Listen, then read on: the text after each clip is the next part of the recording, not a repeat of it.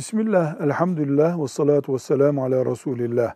Psikolojik sorunları olan namaz kılmak zorunda mı deniyor. Namaz Müslümana akıllı olmak ve buluğ çağına gelmiş olmakla farz olur. Buluğ çağında ise tıbben akıllı ise hastalık namaza engel olmaz.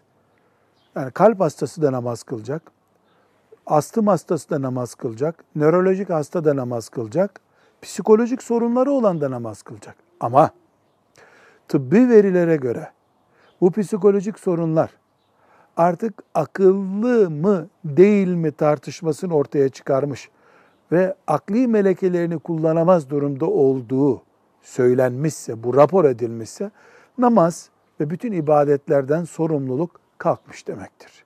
Velhamdülillahi Rabbil Alemin.